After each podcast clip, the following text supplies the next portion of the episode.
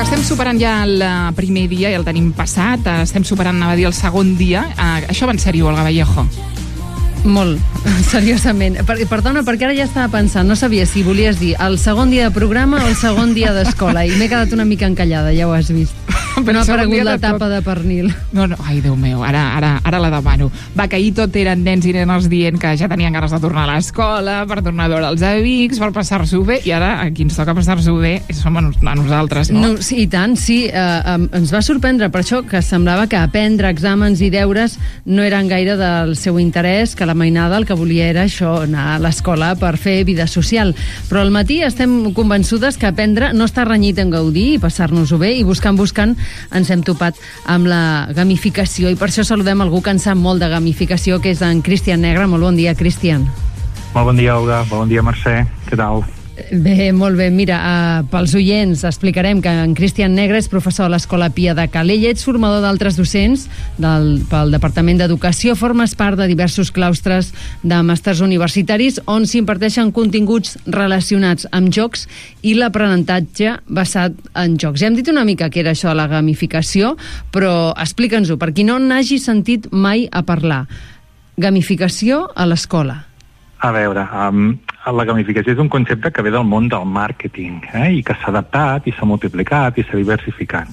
Um, per posar-ho així en senzill, en plata, eh, és, és un préstec de components dels jocs, és a dir, que feu parts no? elements de, que formen part del, del qual, del, qualsevol tipus de joc, i el que fan és, s'intenta crear una experiència que aparentment sembla un joc uh, en àmbits que no necessàriament són lúdics. Eh? Això seria bàsicament la, la gamificació. I és un concepte una miqueta estrany, però que si, per exemple, pensem en, el nostre, en la nostra posició com a consumidors d'un supermercat, no? Mhm. una cosa habitual, uh, és la típica estratègia que he fet servir tota la vida de les targetetes amb els punts i que quan acum- acumules molts de punts t'acaben regalant, doncs, en teoria, cosa que has pagat 25 vegades, aquí paper de vidre o, o aquelles tisores que no acaben de retallar del tot correctament.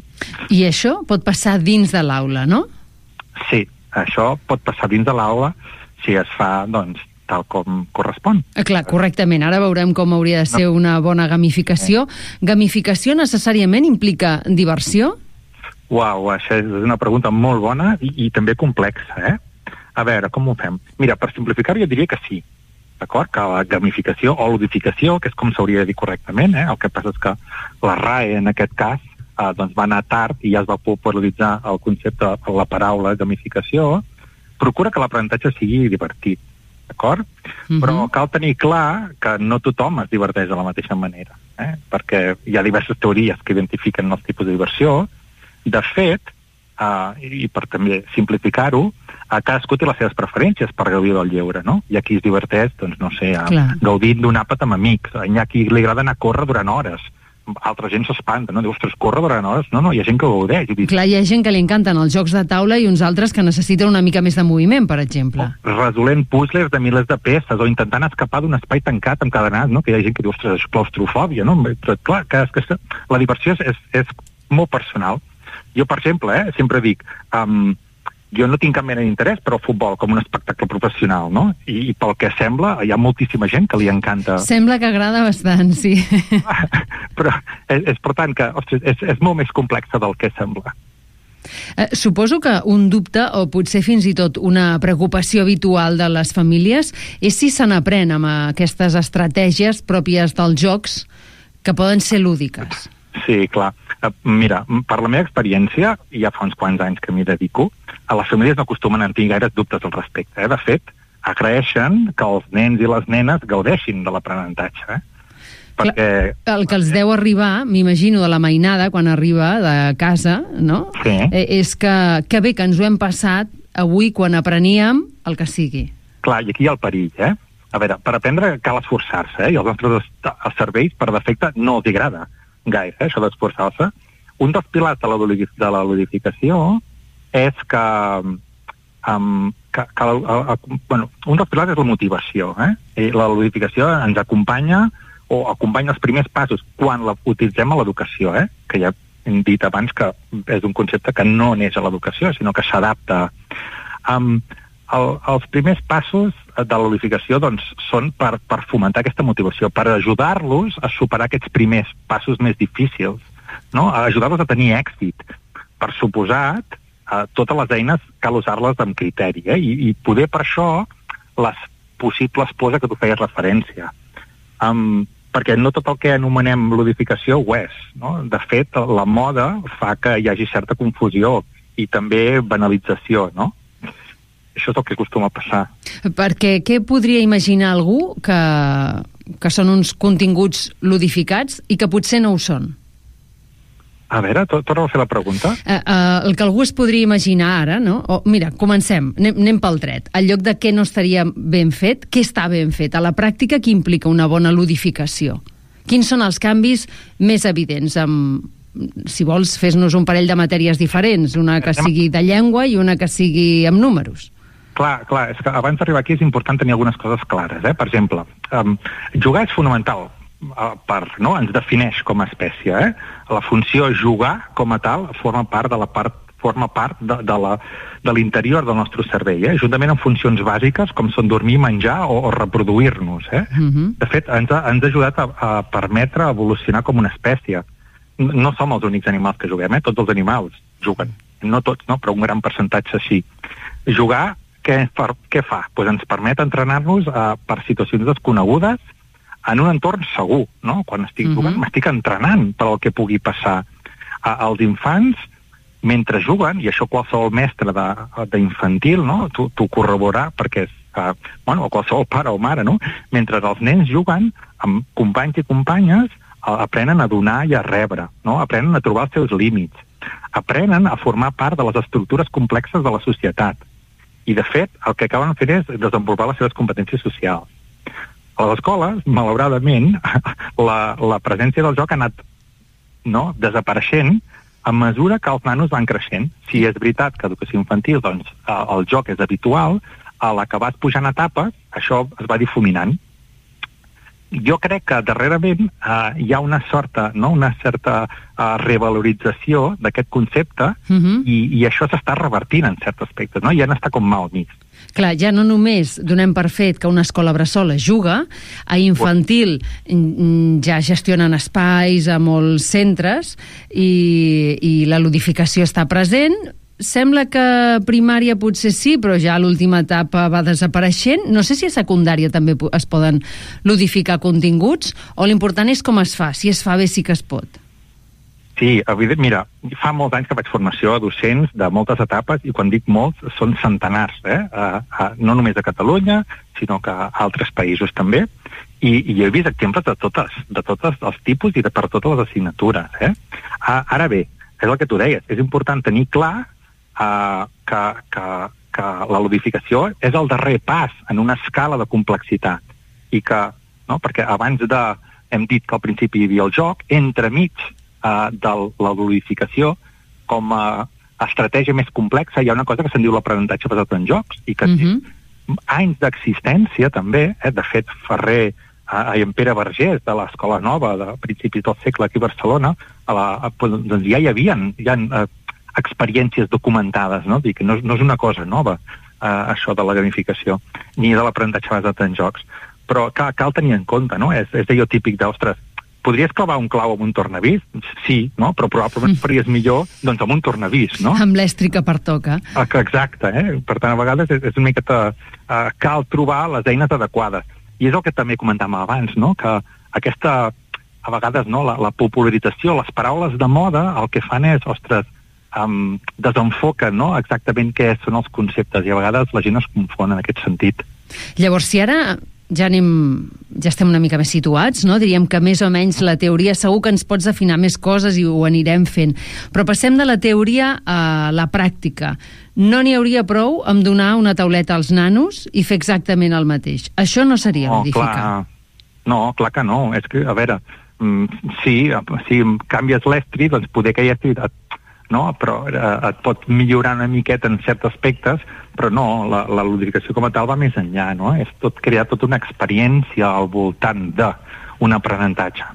ludificar no és jugar, eh? per tant hi ha molta gent que diu, ostres, és que això és com la perversió del concepte original, no? perquè ja, ja t'ho hem comentat abans que jugar és essencial i ens defineix com a persones, no? com a espècie, de fet, i, i tenim registres doncs, des del principi de l'existència. Però, però clar, és, és, és una miqueta més complicat de tot això. Com notificaries? Ara imagina't, eh, ara serà l'hora de dinar a les escoles. Eh, primera hora de la tarda, una matèria eh, que, que sí que va en aquesta línia. Què, què podria passar? Perquè abans ens parlaves dels cupons quan vas al supermercat i acumular punts.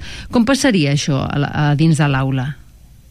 Doncs um, depèn de l'edat dels nanos també i, i sobretot um, de, de la seva de la seva relació en relació a aquests aprenentatge lúdic. Doncs et sembla si ens plantem a final de primària, per exemple, perquè com dèiem abans donem per fet que eh? Eh, criatures de 3, 4, 5 anys sí que jugaran, o, o, no? Doncs hi ha una mica més grans, nanos de 11, 12...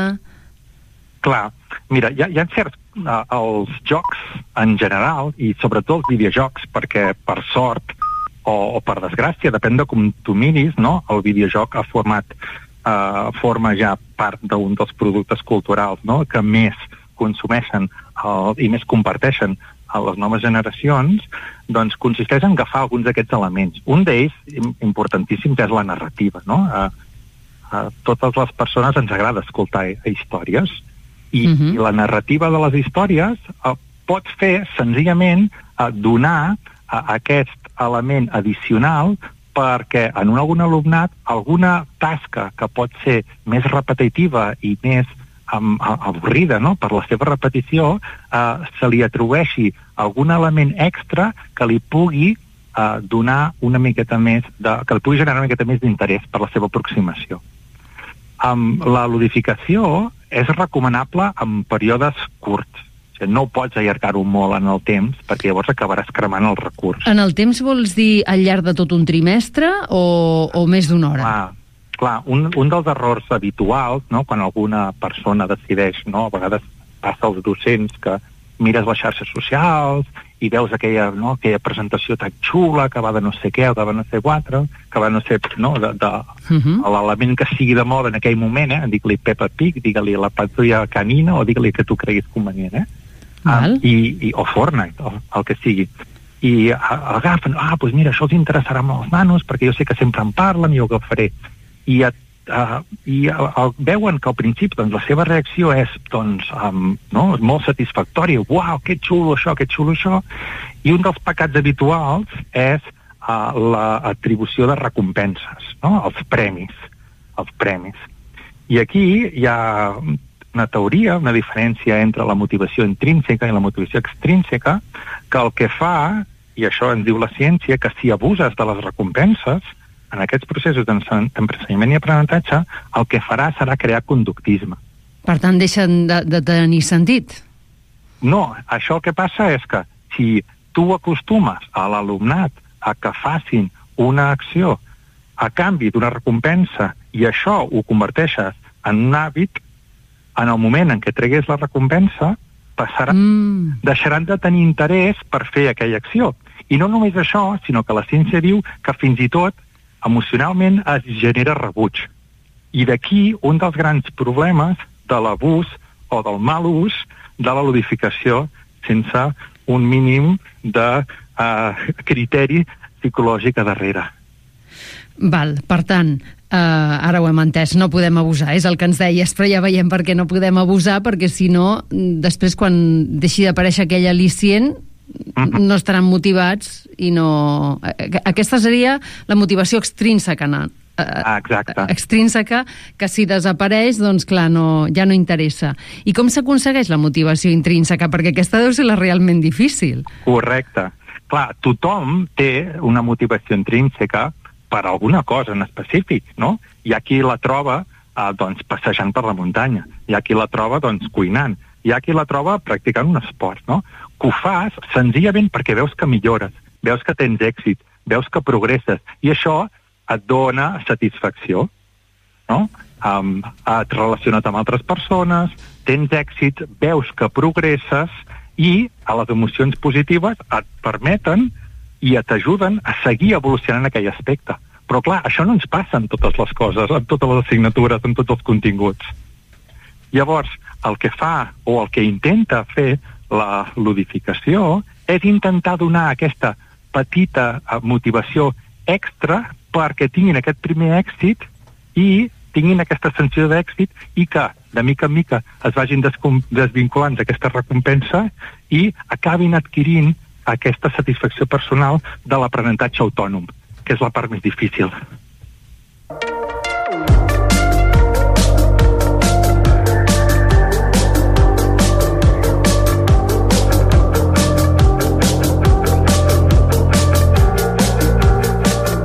Al matí a Ràdio Estel estem parlant amb en Cristian Negre, professor de l'Escola Pia de Calella, formador d'altres docents pel Departament d'Educació eh, i una formació també a màsters universitaris on s'imparteixen continguts relacionats amb jocs i l'aprenentatge basats en videojocs, perquè, Cristian, el que estàvem parlant, hem començat parlant de gamificació, després ja hem sabut que li hauríem de dir ludificació i que no és un invent del segle XXI, ens has dit, ara ja hem entès aquesta motivació intrínseca, que és la necessària, molt més que la extrínseca.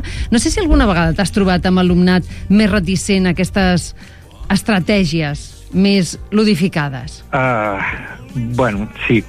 Uh, a veure, de fet, hi ha de tot, eh, la vinya del senyor, i com deia abans, tenim, tenim, uh, a veure, tenim registres d'utilització del joc en l'aprenentatge des de fa moltes dècades i no hem d'anar gaire lluny, eh? Aquí mateix a Catalunya uh, tenim registres. Um, però jo diria que sí, sempre trobes, eh? sobretot amb adolescents, que és amb el que acostumo a treballar jo, doncs clar, el, el que passa dins del cap dels adolescents ja sabem que és complexa. Però, però, Imprevisible. Correcte, eh? Però en general eh, jo crec que, que, que l'alumnat, mm, no sé, eh, aprendre o aproximar-se a alguna cosa de manera variada o tenir com a mínim l'oportunitat acostuma a ser benvingut. Eh, clar, sempre ho agraeixen. I com ho fa el professorat que, que diu, va, uh, imagina't, ara algú ja sé que els mestres sabeu què és la ludificació, però algú que tot just estigui entrant, no? que, o que vulgui ser mestre, o que, estigui, que siguin els seus primers anys i, i que s'interessi per la ludificació dels continguts, com podria començar? Pots anar al teu aire, és necessari que tinguis formació, pots anar provant estratègies... Clar, jo, jo crec que com tot, eh, vull dir, uh, jo crec que el primer seria jugar, eh, jugar, provar-ho, perquè ens passa que molts adults um, no en som molt conscients eh, d'aquesta virtut que tots tenim. Uh, jugar, podem jugar amb els fills, podem jugar amb les filles, amb els amics, amb companys. A moltes ciutats hi ha clubs o associacions o, o colles que ajuden periòdicament eh, el principal jo diria que és exposar-se a les diferents tipologies de joc, eh? perquè hi ha jocs que són individuals, que són col·lectius, interiors, exteriors, motrius, solitaris, col·lectius, és igual, hi ha moltíssimes maneres.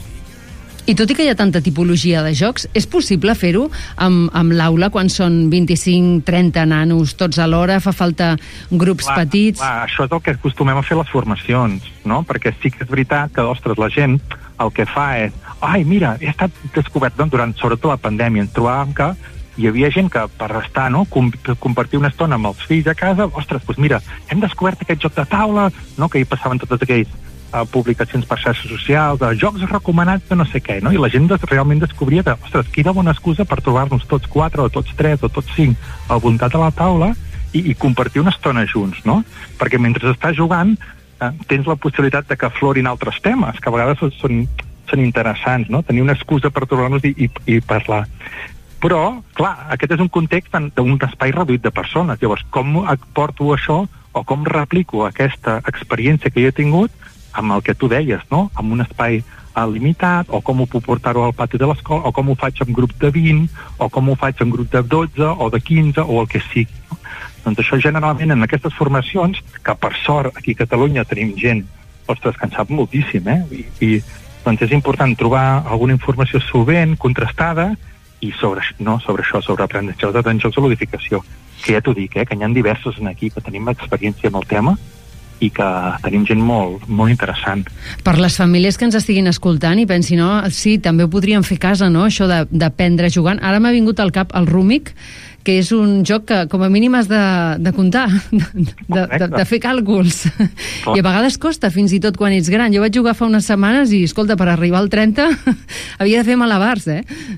Sí, sí. De fet, a l'edat mitja, quan la gent era totalment analfabeta, no? Hi havia, quan es trobaven per comerciar, clar, es trobaven que la gent no sabia comptar. Les, els jocs de cartes, les baralles, els naipes, no? van aparèixer per això, per ensenyar a la gent a, a, a comptar. Això surt en un llibre d'en Flavio Escribano, que també sempre recomano, que es diu Homo, Homo Alien, um, i, i que, ostres, explica moltes anècdotes històriques d'aquestes que són, per als que estiguin més interessats, doncs és, és, és com a mínim interessant de, de llegir. Doncs ja hem pres nota i ara el més important de tot, ja sabem què és això de la ludificació. Cristian Negre, professor de l'Escola Pia de Calella, moltíssimes gràcies. Moltíssimes gràcies a vosaltres. Que vagi molt bé. Adéu. Per jo també.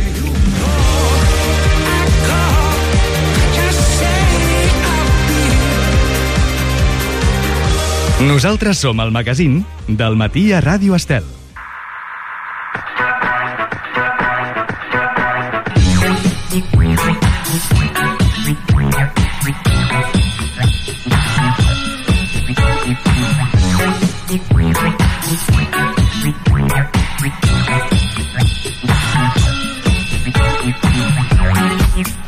A veure, Marta, ja m'ha entrat malament de temps, eh? Què vols dir? No, clar, perquè era... Ja Que no, veuràs. no vaig bé? No. No m'ho has dit tu, en canvi has deixat d'aplaudir, simplement, i m'has deixat aquí Crec que sola. ella sent una, una sintonia alternativa. Escolta, un moment, a veure, o sigui, eh, per tant, conclusió de, de l'espai d'educació avui, que hem après moltíssim. Hem après. Sí, perquè aquesta Hem après un munt de cosa amb en Cristian. Res de gamificació, que ve de Ja està, game, eh? que és joc. Clar. Anem a ludificar. Sí. No tot s'hi val. Uh, és important que el professorat es formi, uh, no es pot abusar i és molt important la motivació quan un està motivat de, de veritat, no només per aquelles recompenses que t'arriben Sí. de fora perquè estàs jugant i et donaran un premi. Doncs uh, aquest espai d'educació que estarà amb nosaltres al matí al Ràdio, a Ràdio Estel cada dimarts. Jo avui us haig de confessar que he arribat a aquest punt, a aquesta hora, que